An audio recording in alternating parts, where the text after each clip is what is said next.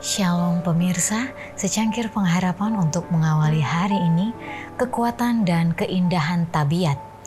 Aku akan seperti embun bagi Israel, maka ia akan berbunga seperti bunga bakung dan akan menjulurkan akar-akarnya seperti pohon hawar.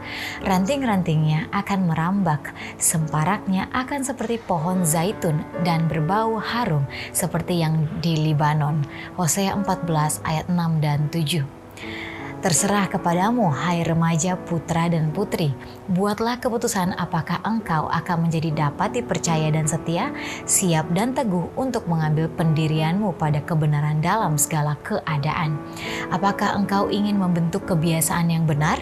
Kemudian carilah orang-orang yang memiliki moral yang kuat dan yang tujuannya cenderung ke arah yang baik Jam-jam percobaan yang berharga diberikan agar engkau dapat menghilangkan setiap cacat dari karakter, dan ini harus engkau upayakan tidak hanya agar engkau dapat memperoleh kehidupan di masa depan, tetapi agar engkau dapat berguna dalam kehidupan ini.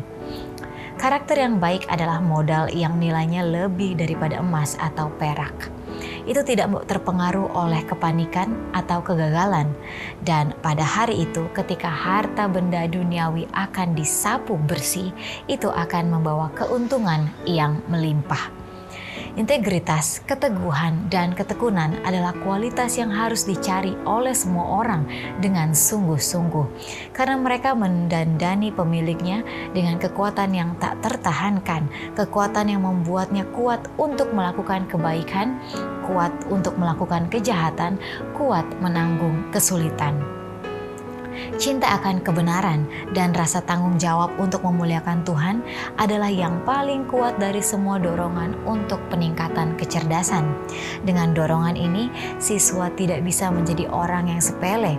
Dia akan selalu bersungguh-sungguh. Di setiap tempat dapat ditemukan pemuda yang pikirannya dilemparkan ke dalam cetakan yang lebih rendah Ketika dibawa ke dalam hubungan dengan kelas ini, mereka yang telah menempatkan diri mereka sendiri tanpa syarat di sisi Kristus akan berdiri teguh dengan apa yang akal dan hati nurani katakan bahwa mereka benar. Demikianlah renungan kita hari ini. Selalu mulai harimu dengan secangkir pengharapan.